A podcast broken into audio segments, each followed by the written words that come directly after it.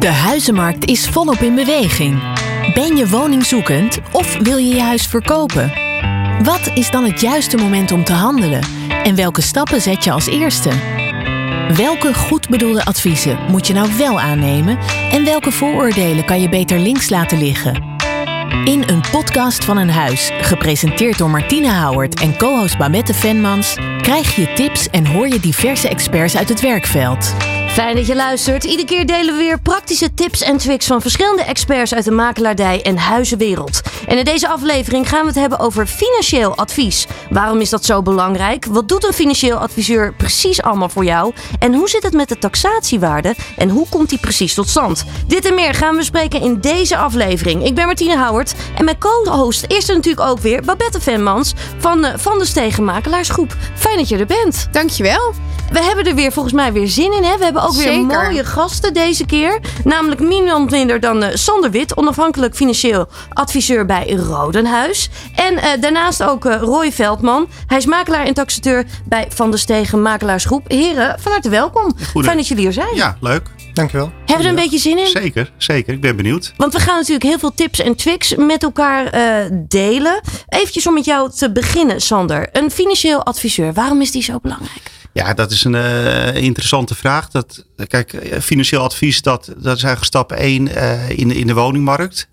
He, dus op het moment dat je op zoek gaat uh, naar een woning, dan is de eerste vraag die je hebt het, het, vraagteken.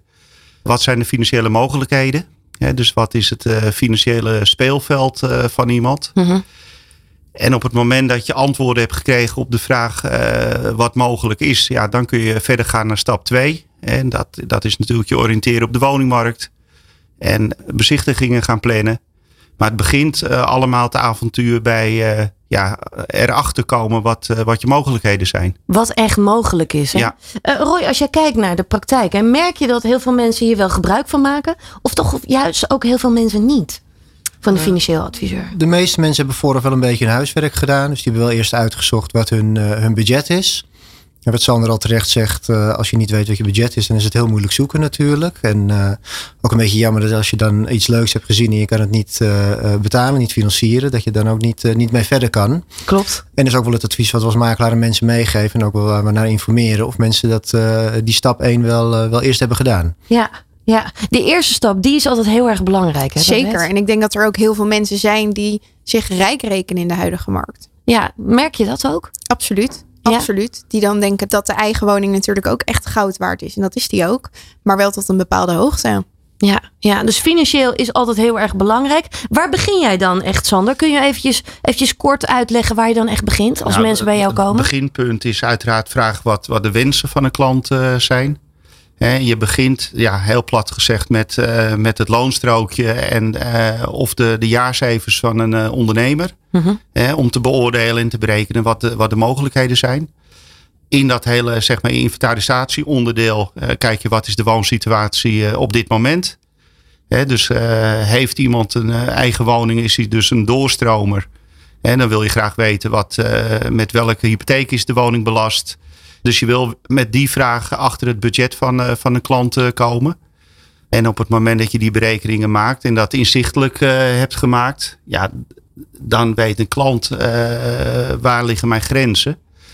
En die grenzen zijn wel heel erg belangrijk in, in deze woningmarkt, hè, qua prijzen en dergelijke. Klopt. om, om te weten hoe ver je kunt gaan en hoe ver kun je dan met, met bijvoorbeeld een aankoopmakelaar op, op zoek concreet naar de woning. Ik denk dat het ook wel belangrijk is dat mensen ook moeten weten hoe ver ze willen gaan. Ja. Want ga je mee in de gekte en tot hoe ver ga je mee en waar ligt je eigen grens? Ja, en als je gaat overbieden, tot, tot hoe ver kun je dan echt gaan? Ja, nou, dat, dat, dat is natuurlijk uh, de vraag van ja, hoe ver wil iemand gaan? Hè? Dat, dat is vaak gelimiteerd op, op basis van de, de maximale hypotheek. Ja. He, dus de, de vertaalslag naar uh, maandlasten en, en wat betaal ik dan per maand, uh, dat, dat is eigenlijk bijzaak. He. De, er wordt meer gekeken tot hoe ver rijdt mijn uh, polstok. En, en op basis daarvan gaat de, de woningjacht dan, dan starten.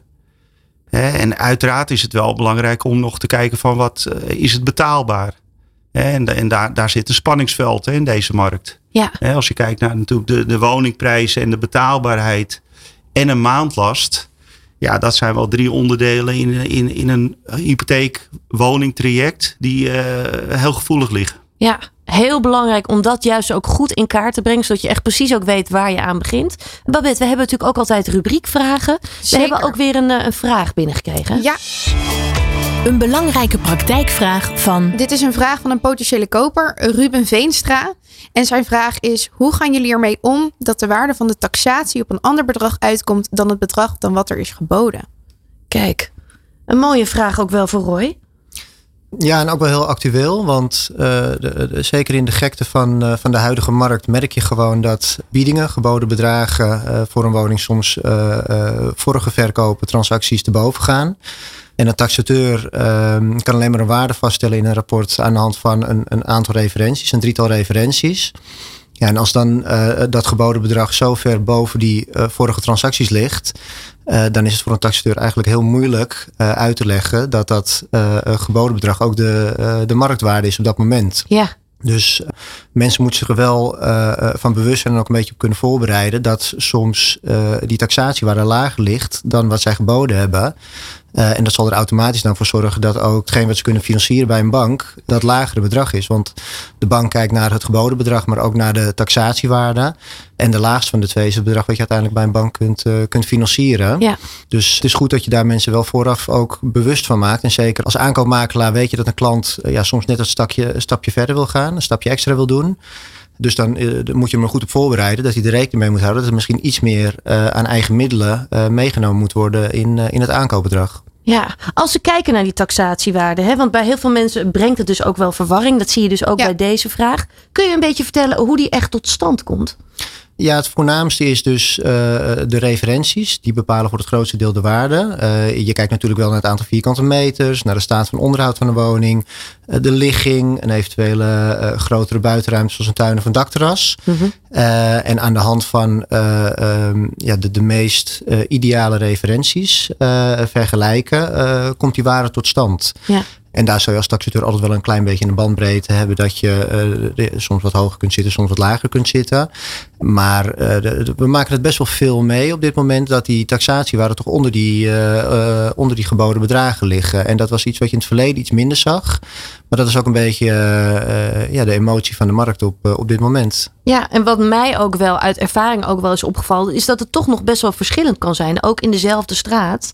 Dat die waardes toch echt wel verschillend kunnen zijn. Maar dat hangt dus ook heel erg vanaf wat er aan het huis gedaan is. Ja, eens. Als de staat van onderhoud verschilt, dan, dan is het natuurlijk anders. En ja, zelfs een ligging van de woning in de straat uh, aan de een of de andere zijde van de straat, omdat dan je zonligging anders is, kunnen al uh, factoren zijn die die waarde veranderen op, de, op dat moment. Maar het is goed om mensen daar vooraf goed over te informeren. Als financieel adviseur, ook als aankoopmakelaar. Of misschien zelfs als mensen bijkomen kijken als verkoopmakelaar. Dat je daar uh, wel iets uh, over meegeeft aan mensen. Ja. Sander, wat is jouw ervaring juist ook in deze tijd als het om dit soort dingen gaat? Nou, wat, wat Roy aangeeft is natuurlijk uh, een aandachtspunt. Als je kijkt, iemand komt aan tafel en die zegt ik, ik ga een woning aankopen. Of hij begint met een bieding. En dan is het wel belangrijk dat je hem wijst op, het, op, op de praktijksituatie. Dat uh, uiteindelijk de, de geboden prijs die geaccepteerd wordt. Uh, concreet voorbeeld, iemand koopt een appartement aan en daar betaalt hij 400.000 euro voor. En dan is de vraagprijs daar natuurlijk ver onder geweest. Die, die was zeg maar 350. Mm -hmm. hè, want dat soort bedragen worden uh, 10 tot 20 procent wordt wel eens overboden. En dan is het belangrijk dat je in dat gesprek aangeeft van hey, let op, uh, er zijn twee belangrijke onderdelen voor, voor jouw toekomstige financiering. Eén uh, is uiteraard wat je op je inkomen kunt, uh, kunt lenen hè, bij een bank. tweede belangrijke grens, dat, dat is die marktwaarde. En het, en het begrip marktwaarde, dat is dan hè, in de praktijk natuurlijk de koopsom waartegen je het koopt. Maar als die taxateur dan langs is geweest, en die stelt vast dat het geen 400 is, hè, zeg maar de aankoopsom, maar uh, 390 of 380. Ja, dan is dat lagere bedrag wat in, in de taxatie uh, staat, dat is dan ook de grens van je hypotheek. En dan ontstaat er een tekort. Ja. En dat uh, dus belangrijk in dat zeg maar intakegesprek met je klanten en die inventarisatie dat je wel uh, bespreekt en inzichtelijk maakt of daar een uh, financiële backup is. Hè? Dat uh, een klant een reserve heeft. En dat gebeurt. Hè, dus dat er uiteindelijk een, een, taxatiewaarde op papier komt. En dat is wat Roy ook aangeeft. Die, die taxateur kijkt in de achteruitkijkspiegel. Hè, dus die, die kijkt uiteraard wel van we leven nu vandaag. Wat is er geboden en wat is de, de marktwaarde op, op basis van biedingen. Maar uiteindelijk kijkt hij toch achterom naar, uh, naar het verleden. En in, in een stijgende markt zie je natuurlijk dat prijzen, uh, als je achterom kijkt, lager zijn dan vandaag. Ja. En dan ontstaat er een tekort. Ik denk dat het ook nog wel even belangrijk is om aan te halen dat uh, een vraagprijs niet altijd standaard de taxatiewaarde is. Of de minimale taxatiewaarde. Want dat is wat ik ook nog wel eens terugkrijg. Heel veel mensen denken dat dan wel. Ja, dat maar dat, dat het hoeft minimum dus niet zo te is. zijn. Nee, nee, dat de woning echt nog wel, dat alles wat ze overbieden, dat dat uit, uh, uit eigen vermogen moet komen. Maar dat is dus niet wat het de realiteit is. Nee, dat is wel een punt. Hè. Als je een vraagprijs hebt, dan is de beleving, het gesprek, gesprek bij de koffieautomaat. Alles wat ik meer betaal dan die vraagprijs, dat moet ik aan spaargeld hebben. Nou, en uiteindelijk is natuurlijk de taxatiewaarde, dat zal de, de, de maximale hypotheek gaan aangeven. Ja. Belangrijk punt dus ook eventjes om in de gaten te houden. Ik denk dat we toegekomen zijn aan een tweede rubriekvraag. In het nieuws. Deze is uh, vorig jaar nog gepubliceerd dat een huis kopen alleen uh, voor wagenhalzen is. Want zonder voorbehoud bieden is de norm geworden. En dan zonder voorbehoud van financiering. Ja, dat, is, dat is wel een heel leuk punt, uh, dit uiteraard. Hè. Die, die, die zonder biedingen en... En dat zijn gesprekken die je met, met, met klanten. Hè. Een klant komt, uh, die, uh, maakt een afspraak en die vraagt uiteindelijk: ja, je kan een bieding gaan doen. Uh, maar is het dan verstandig om een escape in te bouwen, een financieel voorbehoud? Ja. Of om, om die achterwege te laten en daardoor dus een meer interessante koper, koper te zijn. Kijk, in de, in de basis moet je denk ik als koper, als, als consument, altijd een escape in je contract inbouwen. Maar door de overspannen woningmarkt uh, wordt die heel vaak achterwege gelaten. En dan moet je wel donders goed weten dat je die hypotheek uh, akkoord krijgt of dat je de, de financiën op orde hebt. Om zo'n artikel uit een koopcontract uh, te skippen. Want je, er is uiteindelijk geen weg terug meer. en in een worst case scenario moet je een boete betalen. Ja. En die boetes zijn ook niet heel klein. Nee, 10% nee. van de koopsom uh, is eigenlijk de standaardboetebepaling. Uh, en de, de, mensen denken ook vaak dat als je zonder voorbehoud een bieding doet, dat mensen het dan ook gewoon cash hebben liggen of uh, het niet meer gaan financieren. Maar ik denk in de regel, dat kan Sander misschien ook wel bevestigen, denk ik dat 90% alsnog gewoon bij een bank aanklopt om wel een financiering aan te vragen. Ja. Alleen het wel gewoon zo zeker weet dat ze het voor elkaar gaan krijgen of zoveel eigen middelen achter de hand hebben dat ze dat wel aandurven. Om in ieder geval een extra kans te maken op de markt. Want uh, er liggen er uh, een aantal biedingen dicht bij elkaar.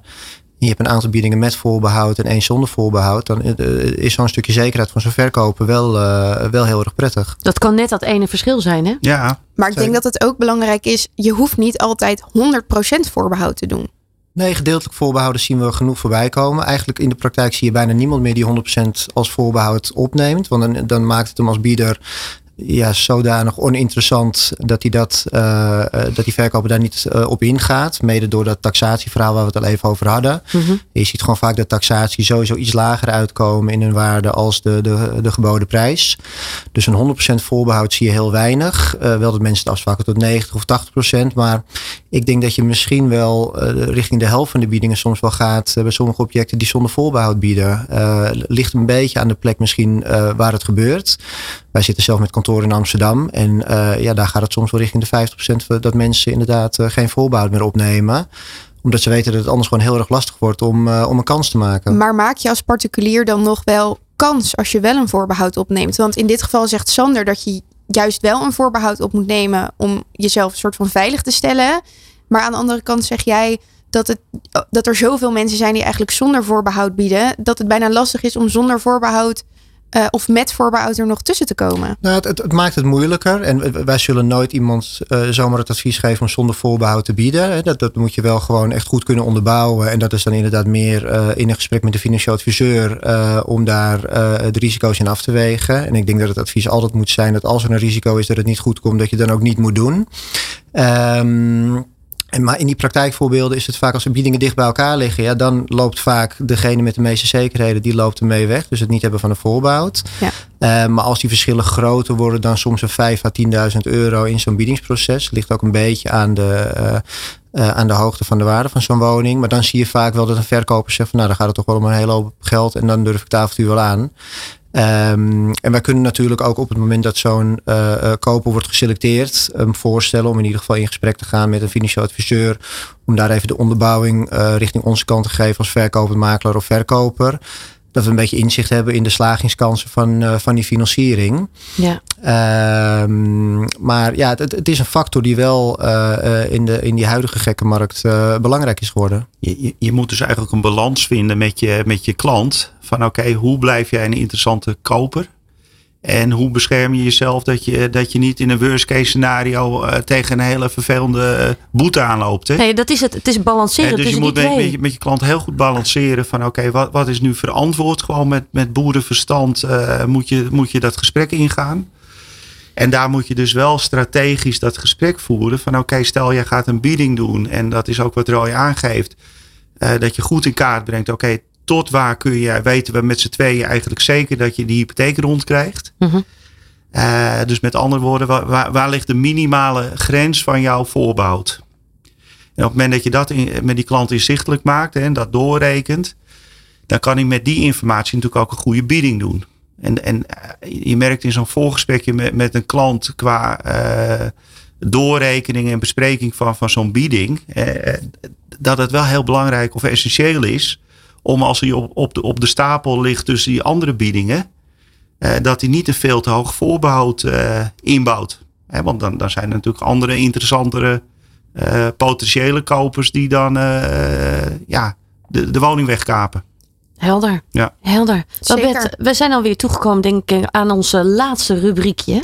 De sleutel tot succes. Tot slot vragen ja. we eigenlijk altijd alle experts wel. Kun je ook nog eventjes een goede tip meegeven om juist ook echt nou ja, succes ook ja, wel kijk, te ik, krijgen? ik denk toch een beetje terug op, op, op het vorige onder item. Hè, dat, dat financieel voorbehoud. Uh, je succes ligt uh, met name in weten wat je kunt. Hè, dus weten wat je kunt is natuurlijk weten waar ligt je grens. Waar kun je bieden. Uh, waar ligt een grens van een voorbehoud wel, wel of niet.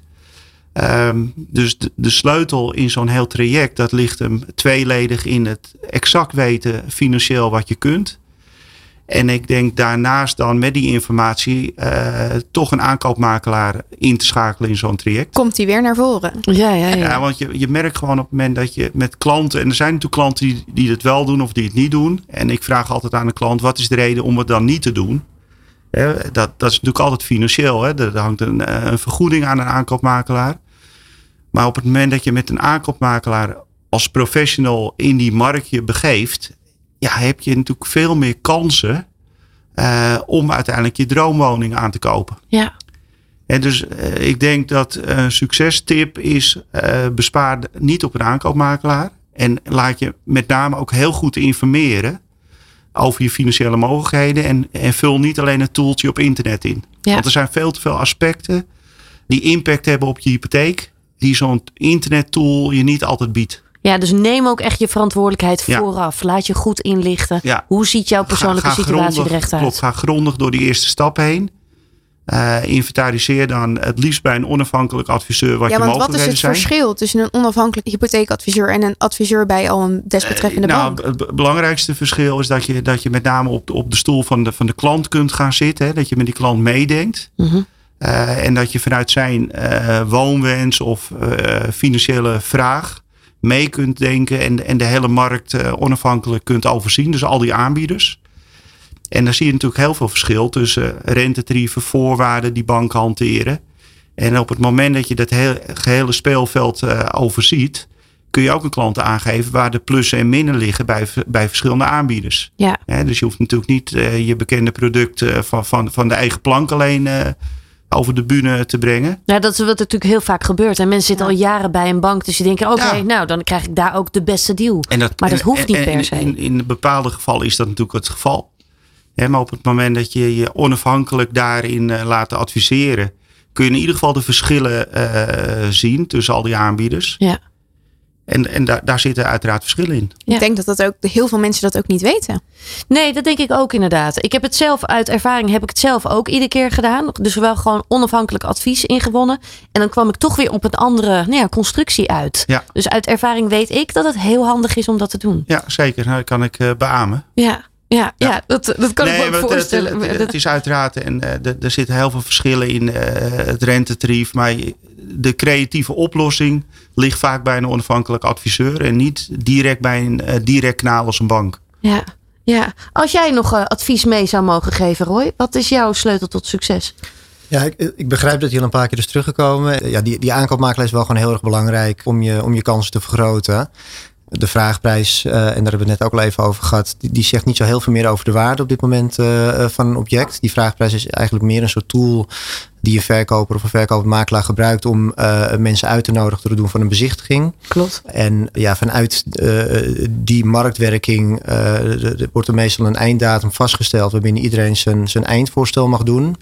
Ja, dat- Eenmalig. Ja. Dus je krijgt één kans. Eh, en ja, dan dus niet alleen het voorstel, maar ook de voorwaarden zijn belangrijk. Maar dan zie je inderdaad soms dat het 15, 15 procent. Ik heb voorbeelden gezien dat woningen 30, 35 procent boven de vraagprijs worden verkocht. En dat maakt het voor particulieren dat het heel erg schieten is in het, in het donker. Hè, want ze houden zich toch altijd een beetje vast aan die vraagprijs. En mensen komen ook wel eens bij ons binnen en zeggen van nou, volgens mij moet ik gewoon gemiddeld 10 procent boven die vraagprijs bieden. En dan ben ik er wel zo'n beetje.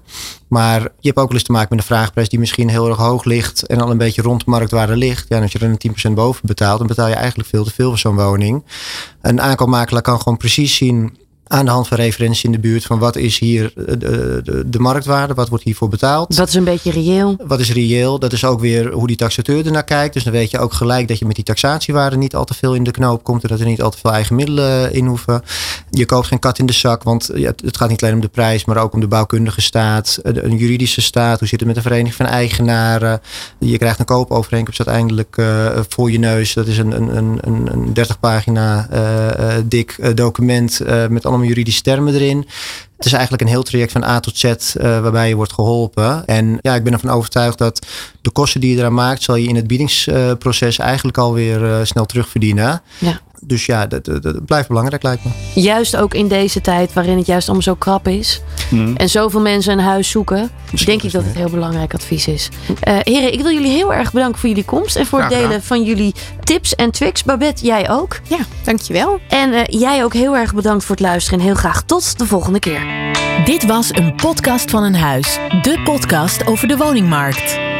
Beluister deze of andere afleveringen terug via de bekende podcastkanalen. Heb je vragen, wil je reageren of op de hoogte blijven van de laatste nieuwtjes en overige tips over de woningmarkt? Kijk dan op de Instagram pagina podcast van een huis.